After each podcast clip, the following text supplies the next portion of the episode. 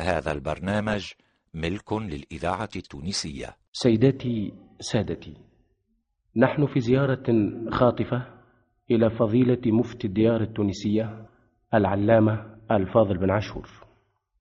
وهذه الزيارة تدخل في نطاق توسيع دائرة المعرفة بالإذاعة التونسية وتدخل كذلك في التطلع وفي البحث عن الخبايا العلمية التي ما زلنا نجهلها لحد الآن. وإن الأمور التي لم يتعرض لها التاريخ هي كثيرة كثيرة جدا. فما نحن نعرفه عن الأدب وما نحن نعرفه عن الوقائع التاريخية ليس كاملا ولم يكن أبدا في عصر من العصور. الماضية ولا الحاضرة كاملا. ونحن نعثر كل يوم في مكتشفاتنا الصوتية وفي مكتشفاتنا العلمية على نماذج وعلى مجاهل مغلقة لم نعرفها ولم نعثر عليها لحد اليوم. سيداتي سادتي تعرضنا في هذه المقدمة البسيطة إلى الحديث الذي ستحتوي عليه هذه الزيارة وهو الكشف عن الأدب التونسي المعاصر والذي لا زال مجهولا والذي لا نعرف منه إلا النزر القليل. فضيلة العلامة. حقيقة أن الأدب التونسي المعاصر يعتبر في أكثره وفي معظمه مجهولا كما ذكرتم لأننا إذا استثنينا نواحي معينة من الأدب ترجع إلى الأدب الاجتماعي هو الأدب الذي تكفلت بنشره الصحف وتكفلت بإذاعته الكتب القليلة التي طبعت وهي النزر اليسير مما يشتمل عليه الأدب المعاصر فإن بقية النتاج الأدبي يعتبر مجهولا مغمورا ضائعا متلاشيا. بل إن أكثر الأدباء يعتبرون مجهولين مغمورين. بل إن نواحي الأدب بذاتها تعتبر اليوم بعيدة عن التصور بالنسبة إلى الأجيال الصاعدة في هذا العصر الذين يتذوقون الأدب على صورة غير الصورة التي كان سابقوهم في هذا العصر من الأجيال التي تقدمتهم تتصور الأدب عليها. فإننا عندما نلاحظ أن مستهل هذا العصر قد كان عصر ركود وكان المظهر الفردي للأدب هو وحده المظهر الذي يسود على عامة النتاج الأدبي. فلم يكن هنالك أدب اجتماعي ولم تكن هنالك مقالات صحفية ولم يكن هنالك نثر سياسي ولا نثر علمي ولم تكن هنالك قصص ولا مسرحيات فإن الأديب من الجيل المعاصر اليوم من الجيل الناشئ ربما يتساءل حينئذ كيف كان الأدباء وماذا كانوا ينتجون وفيما كانوا يخوضون وأي شيء كانوا يبدعون. ولذلك فإننا حين نلاحظ حياة الأدب في أوائل هذا العصر ينبغي لنا أن ندرك أن الأدب إنما كان يعيش أدبا فرديا وهو في أكثره إنما كان من باب الأدب العاطفي. وكانت المجالات التي يعيش الأدب فيها هي النوادي وليست النوادي عبارة عن النوادي التي هي جمعيات ترجع إلى وحدة مذهبية أو منهج فكري يجتمع الناس حوله لإقامة مؤسسة ذات صبغة عمومية ليتلاقى فيها الذين يتلاقون في ذلك المنهج أو يتحدون في تلك الوجهة.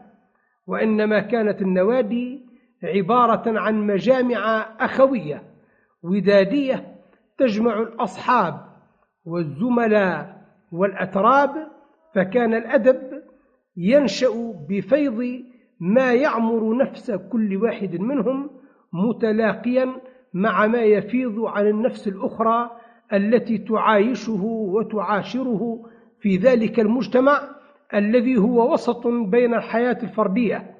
وبين الحياة الاجتماعية كما تعتبر الأسرة وسطا بين حياة الفرد وبين الحياة الاجتماعية. فضيلة العلامة نريد أن نوجه إليكم هذا السؤال. إن ما عالجه أدباؤنا سواء بالجرائد أو الصحف أو المجلات إن ما عالجه أدباؤنا وكتابنا في مشكلة الأدب المعاصر كان قليلا جدا كما تعرضتم إلى ذلك ولكنهم تحدثوا عن شاعرين وهما الغراب ولعله شاعر صفاقسي وعن قبادو وهو شاعر تونسي من تونس. فهل كان في هذا العصر كان هذان شاعران هما أبرز ما هنالك من شعراء أم هناك شعراء لم نعرفهم إلى حد الآن؟ أجدك أيها الأستاذ بل الولد العزيز قد تطوحت بي بعيدا عن المجال الذي كنت أريد أن أحصر نفسي فيه فأخذت المعاصرة في أوسع مدلولاتها ورجعت إلى وحدة العصر. الذي يجمع أكثر من قرن واحد. حقا أن هذين اللذين ذكرتم هما شاعران فحلان من شعراء البلاد التونسية في العصر الحديث. ولم يكونا أعني الغراب وقاباد متعاصرين ولكنهما كانا متقاربين بحيث إن أحدهما وهو الغراب كان هو السابق وكان قاباد هو اللاحق. والحق أن الأجدر من هذين بوصف الشاعر والأحق منهما بأن يعتبر إنتاجه من الإنتاج الخالد إنما هو الشيخ محمود قابادو فقد كان الغراب حقا شاعرا فحلا. وكان منهجه الشعري قائما على ما يسمى الفن للفن فكان يغوص على المعاني اللطيفة التي تروقه في شعر الشعراء المتقدمين ويولد منها ويتتبع التراكيب الراقية والأفانين العذبة من التعبير ويبني عليها إغراقا في تلك النواحي الأخاذة من الجمال الصناعي في تركيب الألفاظ وفي تضمين المعاني تحت ألفاظها الذي نسميه البديع. فكان الغراب شاعرا بديعيا وكان معاصرا لطبقة من الشعراء هي عصابة التاريخ الحسيني الأول من أمثال الورغي وابن عبد العزيز وغيرهما ممن تضمن أشعارهم وآثارهم كتاب التاريخ الباشي لابن عبد العزيز وغيره من الكتب التي أرخت لذلك العصر عن معاصرة أو عن تأخر مثل تاريخ ابن أبي الضياف. ولكن الفحل الآخر وهو محمود قباد يعتبر في نظرنا فاتح المنهج الشعري في العصر الحديث بل يعتبر فاتح المنهج الشعري للأدب المعاصر لنا الآن لا على معنى المعاصرة المطلقة في نطاق التاريخ الحديث الأوسع. لأن لقاباد منهجا فكريا ومذهبا إصلاحيا كنا نوهنا به في غير مناسبة. وقد استطاع قباد أن يكون كما كان أبو الطيب وكما كان أبو العلاء المعري جامعا بين نزعة نستطيع أن نسميها فلسفية هي نتيجة نظره الخاص بنظرته الحكمية إلى الحياة وما له من المقدورة الصناعية في إجادة الفن الشعري بحيث استطاع أن يجعل فنه الشعري في كثير من المناسبات مجلا لأفكاره وتصوراته وأحكامه على الوجود وعلى طبائع الإنسان وعلى صور المجتمعات وعلى واجبات النهضة بحيث إنه كان الموجه لهذا النوع من الشعر الذي سمي عندنا بتونس في أواخر القرن الماضي وأوائل هذا القرن سمي بالشعر الحديث أو الشعر العصري. فإن الشعراء قبل ذلك كانوا يعتبرون هذه الناحية من النظر إلى أحوال المجتمع وإلى حالة الأمة الإسلامية وإلى تطلعاتها وغاياتها القومية وواجباتها وما لها من حظ في الانبعاث الذي بدأت تشعر به وما حققت من آمالها وما بقي لها لتحققه. كانوا يعتبرون كل ذلك غرضا خارجا عن الأغراض الشعرية. وإنما كانوا يرونه في أول الأمر غرضا بعيدا عن التفكير أصلا نظرا إلى ما كان يأخذ بالأفكار من عوامل الجمود والوقوف والاستسلام. ثم بعد ذلك لما تحركت العزائم أصبحوا يجدون للأدب مجالا وللسياسة كما يسمونها يومئذ مجالا آخر. فكان قاباد في طليعة الرجال الذين دفعوا بالشعر إلى المجال السياسي أو دفعوا بالأفكار السياسية الإصلاحية إلى المجال الشعري. ولذلك فإننا نعتبر المحاولات التي سجلت بعد قاباد في الأدب التونسي مما نلاحظه في شعر أمثال الشيخ محمد الخضر حسين ثم في شعر المرحوم صالح سويسي ثم في شعر الشاعرين الشهيرين في هذا القرن الشاذلي خزندار ومصطفى آغا. كل ذلك إنما كانوا فيه متأثرين باتباع المنهج الذي انتهجه قاباد أولا ولأجل ذلك كان هؤلاء جميعا يشعرون بأن هذه الطريقة غير مطروقة من قبل. وأن هذا الغرض لم يكن من أغراض الشعر ولأجل ذلك كانوا يسمون كل ما يرجع إلى وصف حالات الفكر وحالات المجتمع ومصالح الأمة وتطلعاتها وآمالها وواجباتها كانوا يصفونه كله بالشعر العصري. وقد عنون الشيخ محمد الخضر الحسين بنفسه في مجلة السعادة التي كان يصدرها بتونس وهي أولى المجلات التونسية على الإطلاق وقد كانت الإذاعة التونسية سنة المؤتمن على ذاكرة الوطن. هجرية عنون القصيدة الأولى التي حاول فيها تضمين شعره هذه الأغراض في صورة راقية بديعة فصيحة جزلة عنونه بالشعر العصري نظرا إلى ما كان يشعر به من أن هذا الغرض لم يكن مطروقا عند الشعراء المتقدمين.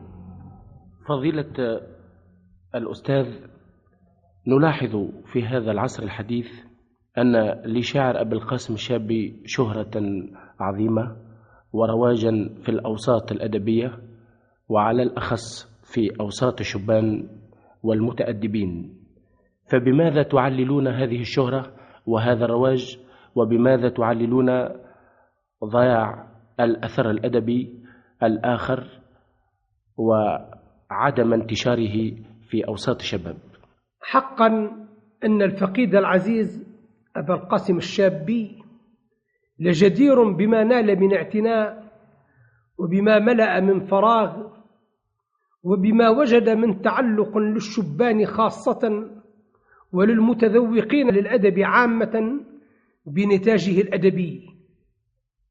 نظرا إلى أنه الشاعر التونسي الذي استطاع باعتبار كونه شابا أن يكون متحدثا بنفسية الشباب وعقلية الشباب وشعر بشعوره المرهف بما يخالج نفوس الشباب من آمال وتطلعات فصاغها في قوالبه الشعرية. فجاءت متجاوبة مع ما في نفوس الجيل الذي كان يعاصر الشاب ويعتبر تربا له ثم الجيل الذي نشأ بعد ذلك على زيادة إغراق في هذه التطلعات.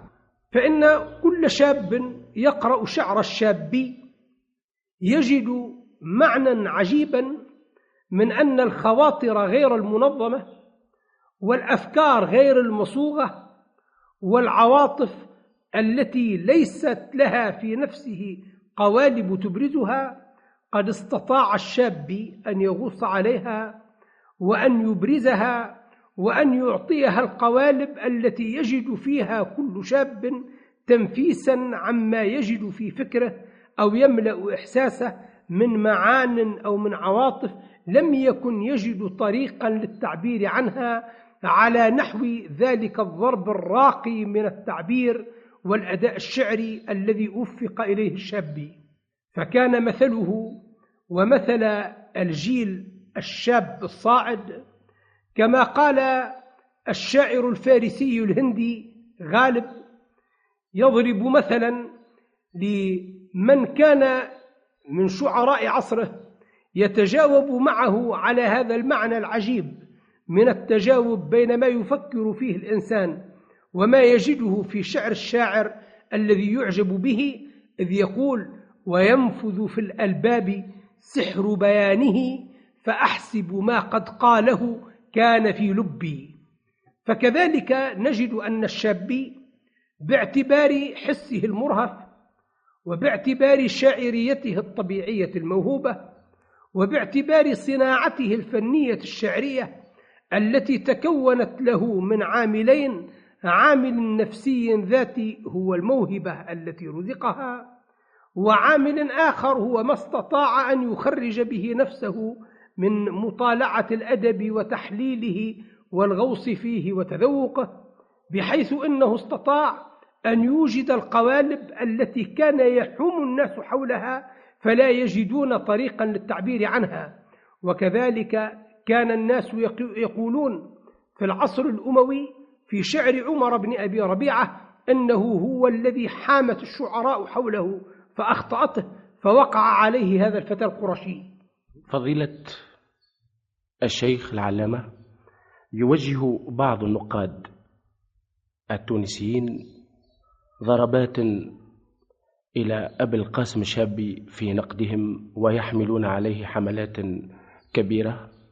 ويجعلون تأثير أبي القاسم الشابي الأدبي في الفكر التونسي وفي الأدب التونسي وفي الشباب التونسي مرجعه إلى تلاقح وتلاقي الثقافات الغربية والعربية. وإن اطلاع الشباب التونسي أو العربي بوجه عام على الثقافة الغربية والموسوعات الفكرية الغربية جعلته يفهم ويتطلع ويتشوق إلى مثل الأفكار الجديدة التي طلع بها علينا الشاب. وإن انتقادات الشاب الموجهة ضد الأدب العربي في خياله الشعري يثبت هذه التهمة ويؤكدها ويجعل من الشاعر الشاب رجلا بل رسولا للفكر الأجنبي أو الغربي ورسولا إذا أردنا أن نصحح التعبير للأدب الغربي في الأدب العربي فما رأيكم في هذه التهمة؟ أرى أن هذه التهمة التي وجهها بعض الناقدين للشاب تهمة غير متجهة. فقد كان الشاب شاعرا عربيا وكان عربيا صرفا في بيانه لأنه لم يكن يحسن لغة غير اللغة العربية. الإذاعة التونسية وكان في مطالعاته على ذاكرة الأدبي عربيا أيضا لأنه كان يتأثر بالنتاج العربي الخالص وبالنتاج المعرب الذي لم يصل إلى ذهن الشاب ولم يمازج إحساسه إلا بعد أن مر عن طريق اللغة العربية التي هي ملاك الإحساس الشعري والذوق الأدبي الذي يسيطر على نفس الشاب. ولذلك فإن اعتبار الشاب في عمله في الإنتاج الشعري مرتبطا مع الشاب فيما كان ألقاه من محاضرة تتعلق بنظريته في الخيال الشعري عند العرب يعتبر إغراقا في الربط بين ناحيتين ليس بينهما من الترابط ما يريد هؤلاء الناقدون أن يجعلوا بينهما. فإن الشاب قد ألقى تلك النظرية لا محالة ولكنها لم تكن أساس منهجه الشعري ولم تكن رائده في طريقته الشعرية فإن السمعة العالمية الذائعة التي رزقها الشاب وهو بها جدير إنما كانت راجعة إلى أن جميع هؤلاء الذين أرادوا أن يصوغوا الشعر على الطريقة التي انتهجها الشاب قد كانوا في صناعتهم الشعرية الأصلية أعني صناعة التركيب والفن البلاغي والمحسن البديعي كانوا سائرين على منهج متأثر بالطوابع الغربية. ولكن الشاب هو الذي كان في لغته وتراكيبه وبلاغته وبديعه خالصا غير متأثر بتلك المؤثرات. نعم إنه استطاع أن يستخرج من الأدب الغربي مثلا وكنايات وصورا فنية أودعها في شعره فكانت عبقريته العربية في حسن تلقيها لتلك الصور وحسن هضمها لها ثم حسن أدائها والتعبير عنها عنوانا على معنى عروبته الخالصة وعلى ما هو متأثر به وما هو متأصل في نفسه مما كان الشاب قد أنكره على العرب في محاضرته عن الخيال الشعري عند العرب فكان خياله الشعري أكبر حجة وأقطع برهان على أن الأدب العربي المعاصر في الناشئين على اللغة العربية نشأة صرفة لم يكن خاليا من تلك العبقرية التي نادى بها الشاب بعيدا عنه فكانت أقرب إليه مما نادى لأنها كانت متجلية في شخصه هو بذاته. والآن سيدي الفاضل نريد أن نلقي عليكم سؤالا آخر وهو هل لكم أن تحدثونا عن شعراء لم نعرفهم إلى الآن؟ حقا أنني عرفت كثيرا من الشعراء في الجيل الذي نشأنا فأدركناه كهلا ثم عرفت كذلك شعراء من المعاصرين لنا كان لبعضهم ما هيأ لهم مكونات الظهور مثل صديقنا ورفيق الشباب مفدي زكريا أو مثل أحد أفاضل أصدقائنا وأترابنا من الأستاذ الصدق مزيغ وغير هؤلاء فإن هؤلاء قد عرفوا وأدركهم هذا العصر الذي هو عصر ظهور الإنتاج الأدبي والفكري والشعري فبرزت آثارهم وعرفت مواهبهم واستطاع الناس أن يتعرفوا إليهم. ولكنني أشعر بأن هنالك كثيرين ممن لم يعرفوا أصلا أو ممن عرفوا بأقل مما ينبغي أن يعرفوا به وأكثر هؤلاء كما قلت لكم من الذين درجوا في الذين تقدمونا في الجيل الذي قبل جيلنا أو الذين عاجلتهم المنية من الذين كانوا معاصرين لنا. وإذا كنا نعد النشر عامل ظهور الإنتاج وتعرف الناس به فإن الكثيرين من أقراننا مثل الفقيد العزيز المرحوم محمد أبي شربية لم يتمكن له من اطلاع الناس على حقيقة إنتاجه. وعلى جودة شعره وعلى سمو بيانه وعلى عمق المعاني التي يغوص عليها وعلى الإعجاب في إبراز تلك المعاني في القوالب المنتظمة المنسجمة التي تجعل من قصائده خطبا شعرية على معنى من الخطابة قوي الأثر بديع الوقع في النفس ولكنه يتوسط بين جودة الشعر وبين روعة الخطابة. كما عرفنا كثيرين أدركناهم ممن تقدمونا لا أستطيع إحصاءهم الآن وكلما أردت أن أمثل بواحد منهم وجدت الكثيرين ممن يزاحمونه في أحقية التمثيل به. والحق أن أبرز هؤلاء وأجدرهم بوصف الشعر وبوصف رسوخ المكانة الأدبية إنما هو الذي عرف الناس منه كثيرا ولكنهم عرفوا أقل مما جهلوا منه وعرفوا منه ما هو دون المجهول منه سموا وإبداعا وهو الأستاذ العظيم علم الأدب العربي المعاصر أستاذنا المرحوم سيدي محمد العربي الكبادي يقول النقاد إن في تونس لا نجد عصرا نستطيع أن نسميه عصرا أدبيا وأن نطلق عليه مثلا العصر الرومانطيقي أو العصر الوجودي ويقول النقاد إن الأدب في تونس هو أدب مفرق ولا تجمعه وحده فهل هذا صحيح؟